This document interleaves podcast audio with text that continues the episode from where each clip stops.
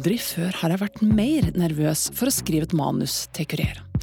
Medvirkende i dette programmet er nemlig en fungerende språksjef i NRK, en direktør i Språkrådet, en nyhetsredaktør og en språkforsker. Her kjenner jeg at jeg skal velge mine adjektiv med omhu og holde kommaet rett i munnen. Men som journalist så bør man jo nettopp det. Hvilke ord og uttrykk jeg velger, har noe å si for hvordan du oppfatter dette programmet og dets innhold. Om jeg omtaler Ingvild Bryn som språksjef i NRK, så gir det et feil bilde av hvordan situasjonen egentlig er. Hun er nemlig i et vikariat som fungerende språksjef, og det er noe helt annet. I alle fall ifølge hun sjøl. Så det er jo litt viktig at det, at det er en annen person som har den jobben vanligvis, da, sant? Ragnhild Bjørge, ja. Men Bryn har alltid hatt en stor interesse for språk, og hun skulle gjerne sett en enda større bevissthet på ordbruken blant norske journalister. Det er viktig å velge uttrykk og ord som er nøkterne og nøytrale, altså slik at folk kjenner seg igjen i eh, måten de har uttalt seg på. Eh, Selvsagt skal vi ha fargerikt språk og, og leke oss med språket, men det må aldri gå utover det som er det saklige og ordentlige innholdet. Og det passer vi veldig på i NRK, at vi eh, ikke drar titler og overskrifter for langt, men at folk føler at de kan eh, stå inne for måten de er blitt sitert på. Har vi så stor påvirkningskraft at det, at det er så viktig å passe på? Ja, altså det som jeg tenker på er at hvis en da eh, intervjuer et menneske, og det blir da mm, gjengitt på en måte som den personen ikke kjenner seg igjen i, så har vi gjort det mennesket urett. Derfor er jeg eh, veldig på vakt mot ord som eh, raser, går i strupen på, vraker Altså disse her slakter og så videre. Disse her litt sånn forsterkende ordene må vi være påpasselige så ikke vi drar det for langt og bruker det i en sammenheng der folk som da er blitt intervjua, ikke kjenner seg igjen i måten de blir siterte på. Jeg har et godt eksempel med en uh, daglig leder, eller han som er daglig leder i uh, den kristne organisasjonen Tro og Medier. Han eh, fortalte meg at han var blitt litt forsiktig nå med å uttale seg til medier fordi han hadde uttalt seg om denne serien Trekant som gikk på NRK for noen år siden. Og da hadde han etterlyst litt mer følelser og grensesetting, og ikke så mye teknikk i den serien, og da ble det til kristenfolket raser mot trekant. Og han sa at eh, det var ikke første og heller ikke siste gangen at han har opplevd det med kristenfolket raser. Så nå var han blitt, som sindig sørlending som aldri raser, ifølge seg sjøl, forsiktig med å bruke eh, eller å gå til media når han hadde innvendinger og kritikk, fordi at han var redd for at det ble dratt for langt, og at overskriftene ble for store og for, for sterke. Mm. Ja, for når mister et ord sin kraft eller et begrep sitt innhold? Det er når det blir brukt for ofte, så mister et ord sitt eh, innhold og sin kraft. Det er jo slik at gode formuleringer det blir ofte fanga opp av andre. Eh, det som først da har framstått som originalt og godt, blir oppbrukt og slitt. Og til slutt så blir jo det til en klisjé. Det er jo som eh, hvis vi ser for eksempel en tekst med mange utropstegn, så tenker du at oi, det her eh, Det virker som denne journalisten skal rope ut absolutt alt han sier her. Eh, da reagerer vi litt, og stusser vi litt. Så jeg må passe på at en ikke hopper på de forslitte ord og uttrykket, men prøver å tenke ut nye formuleringer, originale formuleringer. Da får jo en en god tekst, hvis en klarer det. Et annet begrep som fungerende språksjef Bryn kan styre sin begeistring for, er begrepet å slakte. Det er kanskje fordi at jeg er voksen opp på en gard på Voss. Eh, og der har jeg vært med på griseslakting om høsten, og da syns jeg det er litt så vondt å se at Erna Solberg blir utsatt for samme metode som grisen, hvis hun har sagt eller gjort et eller annet som eh, det kommer kritikk mot, og det står at Erna Solberg slaktes for, og så videre. Så det er rett og slett eh, litt vondt rett og slett rett inn i hjertet på meg når jeg ser det ordet bli brukt om mennesket. Jeg tar en uformell undersøkelse blant norske nettaviser en tilfeldig valgt dag, og finner slaktebegrepet brukt blant annet i en nettsak hos Dagbladet. Slaktet på TV i Nederland. Det kan jo høres ut som et grumsete reality-konsept, men det handler om at Martin Ødegaard ikke får så hederlig omtale i et nederlandsk sportsdebattprogram. Er ingen racer på nederlandsk, men ifølge Dagbladet så sies det nå som fra det øyeblikket Ødegaard kom til klubben, har det ikke vært et godt ekteskap. Fra het moment dat Ødegaard in de ploeg kom er, is net en goed huwelijk geweest? Tussen, tussen Heerenveen en Ødegaard. Sjøl om jeg ikke kan nederlandsk, så er jeg rimelig god på kroppsspråk, og ingenting ved denne sendinga som jeg kikker på virker som om man raser over Ødegård. Er det da nødvendig å bruke et ord som slakte, spør jeg nyhetsredaktør i Dagbladet, Frode Hansen. Ja, bare for det første så er jo eh, slakt er også helt gangbart som, som eh, i betydningen av nedsable eller knusende dom. Eh, også en del andre betydninger som ikke har med avlivning og dyr å gjøre. Eh, men når det er sagt, så hender det nok at, eh, at norsk presse eh, overdramatiserer bruken av disse signalordene. Det, det er jo viktig. altså Når, når slakter man, når, når raser man? Um, men mener egentlig intervjuobjektene at det er litt kritikk, at det er kritikk, at de er lei seg, at de er sint, forbanna. Um, så man må være bevisste på, på hvilke settinger man bruker uh, så sterke signalord, som f.eks. slakter eller raser. da. Som nyhetsredaktør i Dagbladet er det kun tid for et telefonintervju med Kurer denne gangen. Og jeg lurer på om journalistene i Dagbladet merker at det konstante tidspresset påvirker språket deres? Det er helt riktig. det. Journalister må ta med ansvar for språket enn før, da vi hadde eh, bl.a. en stor korrekturavdeling. Og det skal for så vidt ikke være noe unnskyldning at uh, det går fort. Men det er klart, den 24-7 live uh, breaking news-journalistikken, uh, da går det fort.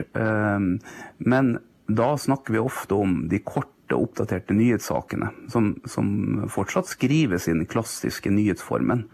Med hvem, hva, hvorfor, hvor. Og sakene skrives jo ofte som en pyramide, altså det mest interessante først. Og her skal jo leseren på en rask og enkel måte bli oppdatert om, om, om det som skjer i en faktabasert tekst. Også, men selv om det kan være et tidspress, så er det jo likevel enkeltskribenter eh, som makter å lage velskrevne og kreative artikler. Altså eh, ref. Eh, en sak om En kriminalsak i går om en person som spilte optimist 100 ganger. Da var det journalist, eller vaktsjefen vår som skrev en sak og fikk inn 30 eh, Teigen-låter i teksten. Altså, Det er lov å leke med språket også innen litt alvorligere sjanger. Ja, det var magisk det der, altså. Helt fantastisk. Men um, altså, før var det jo korrekturlesere. Hvordan eh, sjekker dere eh, teksten før den havner på trykk nå? Hvordan grep har dere for å dobbeltsjekke, altså når dere har litt bedre tid da, enn det som er de korte oppdateringene? Altså, Vi har jo en kvalitetspolicy jeg kan bare ta det først. Vi har en kvalitetspolicy som også, hvor, hvor, som også omhandler språket vårt. Eh, saken skal som hovedregel leses gjennom av en leder eller en kollega før publisering, eh, samt at du sjøl bruker ekstra tid på korrektur. Eh, og Så kan det hende at man i løpende saker må bare publisere, og da leser man jo etter hvert. Så det, det, hender jo at det endres manus når saken er publisert på nettet. I hvert fall på de løpende store sakene. Og som medarbeider hos oss så skal du også kjenne til rettskrivingsnormen vår. Eh, altså vårt folkelige preg skal på en måte holdes i hevd. Eh, I tillegg til det så har vi også en språktest eh, innimellom. Og så har vi noen, som sagt, noen språkeksperter i redaksjon som sitter løpende i, på, på, på, i nærheten av desken vår, som vi bruker som kompetansepersoner. Noen som mener at de tydelig kan merke på språket at journalistene har fått dårligere tid, er Språkrådet. Her representert ved en litt forkjøla direktør Åse Vetås. Det som vi ser tydeligere og tydeligere, det er jo at det har forsvunnet et eh, ledd i kvalitetssikringsprosessen rundt omkring i aviser og i mediehus, og det er jo korrekturleserleddet. Tidligere så var det jo sånn at eh, ting som skulle på trykk, i mye større grad gikk gjennom en korrekturleser før det ble publisert og offentliggjort. Nå er eh, tidene dårligere, og eh, ting skal gå veldig fort. Og da ser vi at veldig mange tekster blir prega av at eh, de ikke er godt nok bearbeida språklig. Det betyr at eh, det henger flere eh, direkte skrivefeil igjen. Eh, det kan være gjentagelser, det kan være haltende språklige metaforer osv. som da kommer på trykk eller kommer på lufta, og som er med å sette sitt preg på hvordan språket vårt ser ut. Har du noen sånne her ord og begrep som gjør at det svir litt i øynene dine, eller river i ørene når du hører dem? Ja, det er jo noen som er mer sjenerende enn andre, og det handler først og fremst om at de i perioder blir litt overforbrukte i noen redaksjoner eller av noen språkbrukere. Og jeg syns jo at det som har vært med på å prege vinteren 2017-2018, det er at alt er rått og at uh, skiløpere er råe, og skihoppere er råe, og den ene og den andre har gjort ting som er råe. Og det handler jo først og fremst om at det, det er et slags overforbruk av uh, enkeltord. Plutselig så skal alle bruke det samme ordet, og da blir det så veldig synlig og veldig tydelig. Og så mister det da kanskje en del av krafta si. Ja, for eh, kan man si når et ord eller begrep mister sin kraft? Ja, det kan en jo faktisk eh, historisk si om veldig mange ord. Eh, den prosessen der ord går fra å ha en eh, konkret, tydelig betydning, og til de blir mer generelle det kalles på fagspråket semantiske bleiking, altså at innholdet blir mer generelt. Og det er jo det som f.eks. har skjedd med fryktelig. For fryktelig var jo opprinnelig eh, ja, eh, eh, et ord for noe som framkaller frykt, eller noe som var spesielt skremmende eller uhyggelig. Nå fungerer det i større grad som en sånn generell forsterker, altså vi setter det foran et annet ord, og så, forsterker det har vi det for godt i Norge, siden vi bruker ord som krise og katastrofe om helt banale ting til tider? Jeg tror ikke det har noen sammenheng med det. Jeg tror at dette er måten språket oppfører seg på. Det har det gjort tidligere, og det gjør det nå òg. Eh, om det er sånn at det er en tendens til at vi bruker disse her forsterkerne mer nå enn vi gjorde tidligere, kan være, men eh, det må vi i så fall forske nærmere i. Det kan òg være at eh, noen av eh, prosessene som driver dette, f.eks. er knytta til klikkvennlighet.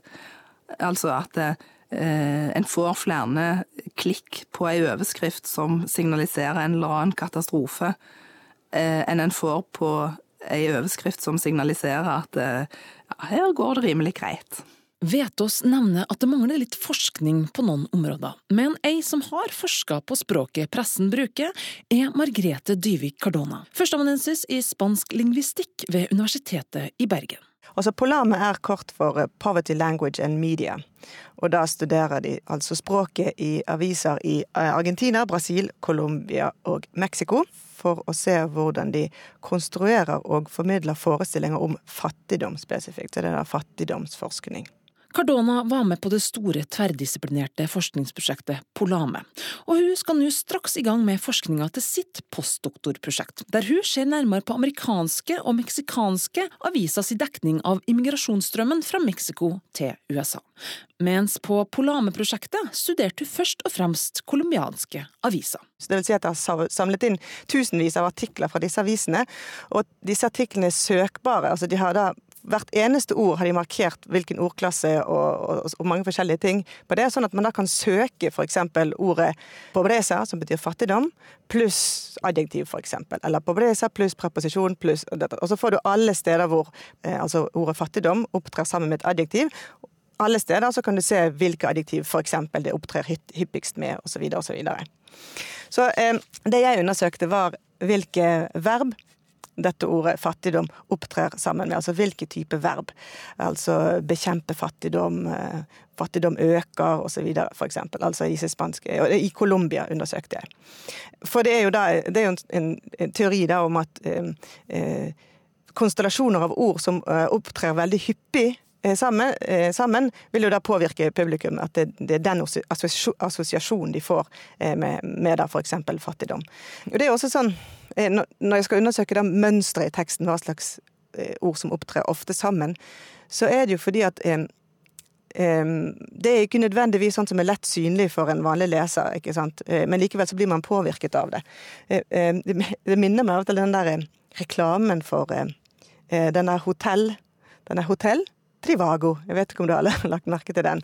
Og den, De gjør liksom det at de, de, ordene, de, to ordene opptrer sammen så ofte at det, til slutt blir det sånn at når du tenker hotell, så skal du tenke Trivago. Altså det er jo en, reklamefolk som bruker den.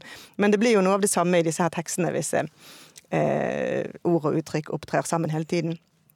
Eller veldig ofte så blir det på en måte primet til å, eh, til å få en Eller teorien er at man kan få en viss holdning til de som blir påvirket av hvor ofte man leser.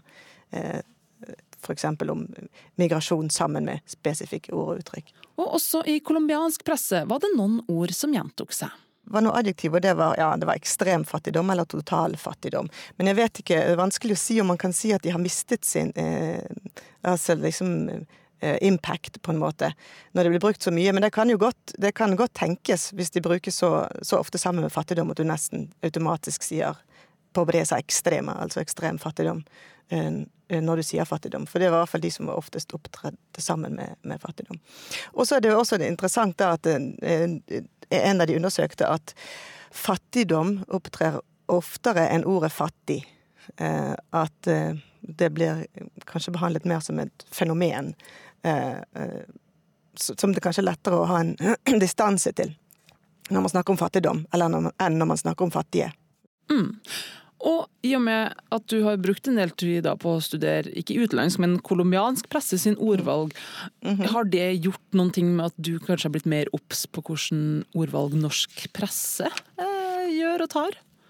Ja, um, jeg har jo egentlig alltid vært ganske opp, eh, oppmerksom på, på ordvalg, for det er litt sånn språknerd. Eh, men jeg har ikke gått eh, systematisk frem eh, på norske aviser. Eh, Eh, det ville nok også være mer nærliggende å, å, sammenligne hvis jeg hadde lest artikler om, om samme tema. Eh, det skrives ikke så mye om fattigdom i norske aviser. Men om migranter, som det, som det skal til med å studere, der sies det jo mer. Og min subjektive, subjektive inntrykk av norske aviser er vel at det ikke er så veldig balansert, egentlig.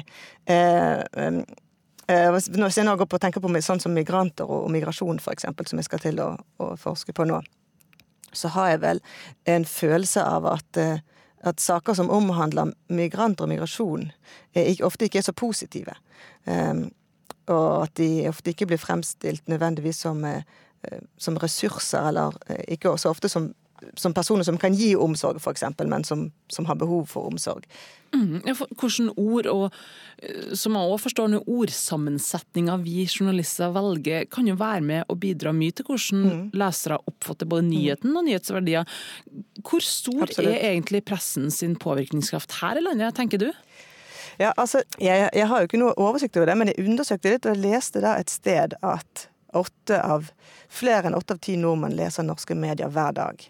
Eh, så man skulle jo tro, i og med at det gjør det, at det har en, ganske stor grad av påvirkningskraft. Samtidig så har vi jo et relativt høyt utdanningsnivå eh, i dette landet. Men eh, eh det er vanskelig å si å sammenligne med andre land, men jeg, jeg sjekket også litt opp i det altså i, i forhold til disse her latinamerikanske landene, i hvert fall som jeg undersøkte, at der det ikke, ser det ikke ut til å være like mange som leser. Men nå tenker jeg på aviser, da. Altså eh, sånn den type media som det er i Norge.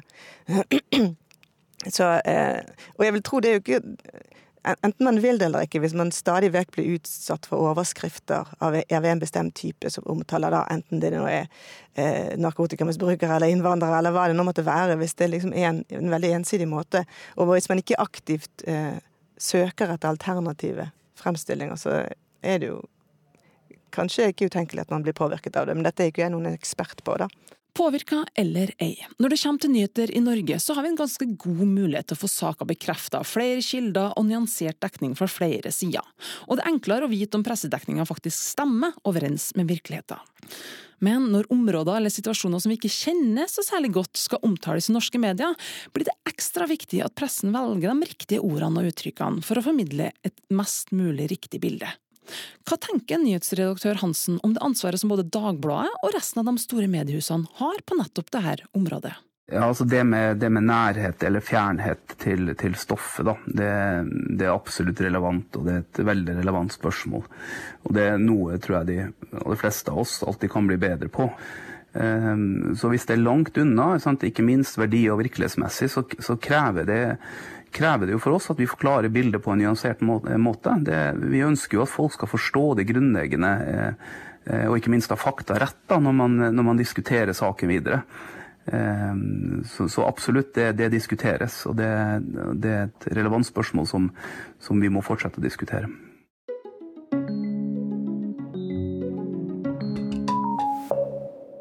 Bryn er lei av rasing og slakting. Åse Gjetås er litt ferdig med uttrykket rått. Kjenner Hansen igjen denne teorien om at det oppstår moteord i norsk presse? Ja, for så vidt. Um, og så er jo ikke jeg den som er så, som, så negativ til det. Um, vi har jo masse eksempler på at det er nyord som både forenkler og moderniserer språket vårt. Det er jo, altså Noen eksempler er jo sakte-TV, rosetog eh, og Nave, Askefast. Eh, oktoberbarn, eh, ekkokammer. Eh, altså det er jo ord som er blitt en del av språket vårt. Eh, og, og eh, et ord som oppstår f.eks. i pressen, og som vi ser fungerer og er lett forståelig, kan være med på ofte å forklare sakens kompleksitet. Da. La oss si oktoberbarn-begrepet. Eh, som et eksempel på det. Um, um, så vi har jo mange sånne type ord som, som faktisk også er, er, med på å modernisere språket vårt, mener jeg. Mm. Men har du sjøl noen ord som du begynner å bli litt lei av, som har blitt mye brukt i 2018? mest eh, ser blir brukt mest nå, som jeg ikke er helt fan av, er jo 'i forhold til'. Den blir jo bare brukt uh, mye, og i mange tekster. Så gjør det enklere. Bruk noe annet. Og Hansen har jo helt rett her. De siste årene har det bl.a. vært en del fokus i forhold til bruken av ordet fokus, og ikke minst i forhold til. Men ifølge tall fra analysebyrået Retriever er denne bruken på vei ned. Men hvordan overforbruk av ord bør pressen passe seg for videre i 2018, spør jeg språkdirektør Vetås. Ja, det var jo dette med rått som jeg nevnte, som vi ser at er veldig mye i bruk hele tida. Eh, en generell oppfordring til pressen bør være varier språket mer, ikke bare bruk de samme ordene hele tida. Er det andre ord enn veldig som passer i denne sammenhengen? Er det andre ord enn katastrofe som kan beskrive det at strømmen gikk i kjøleskapet i fire timer i går? Altså, prøve å bruke språket kreativt og i hele bredden. Da sikrer vi oss mot at vi får sånne, eh, sånne moteord som alle plutselig bruker veldig mye, og som blir eh, tatt helt ut av konteksten sin. når det gjelder fokus, så er jo det det samme som brennpunkt, egentlig. Altså et bitte, bitte, bitte lite punkt som en da skal rette alt oppmerksomheten sin mot. Men så ser vi at etter hvert som fokus har blitt mer og mer brukt, så har vi fått eh, bredt fokus og stort fokus osv. Og, så og det er jo egentlig en sjølmotsigelse. Altså et, et bredt fokus eller et stort fokus, det vil jo være fullstendig ufokusert. Så der ser vi òg at bruken i seg sjøl gjør at Eh, det opprinnelige innholdet i ordet fokus blir bleikt ned til noe helt annet, og dermed så får vi disse litt sånn rare sammenstillingene. I tillegg til de tidligere nevnte ord og begreper, er ikke norske medier spesielt redd for å bruke ord som krise, krig og katastrofe om norske tilstander. Tilstander som i et verdensperspektiv neppe kan beskrives som noen av delene. Har vi egentlig noen begrep igjen til en eventuelt tredje verdenskrig, spør jeg NRKs Ingvild Bryn. Ja, Vi må passe på at ikke vi eh, har brukt opp alle de sterke ord og uttrykk eh, når det virkelig eh, trengs store ord og uttrykk. Samtidig kan jeg forstå at det er fristende å snakke om bruskrig, priskrig på godteri osv. Så, videre. så det er ikke slik at en ikke kan forstå at en er frista av å bruke krig i andre sammenheng enn akkurat verdenskrig, for å si det sånn. Men det er selvsagt et poeng at vi må spare på kruttet til det virkelig trengs.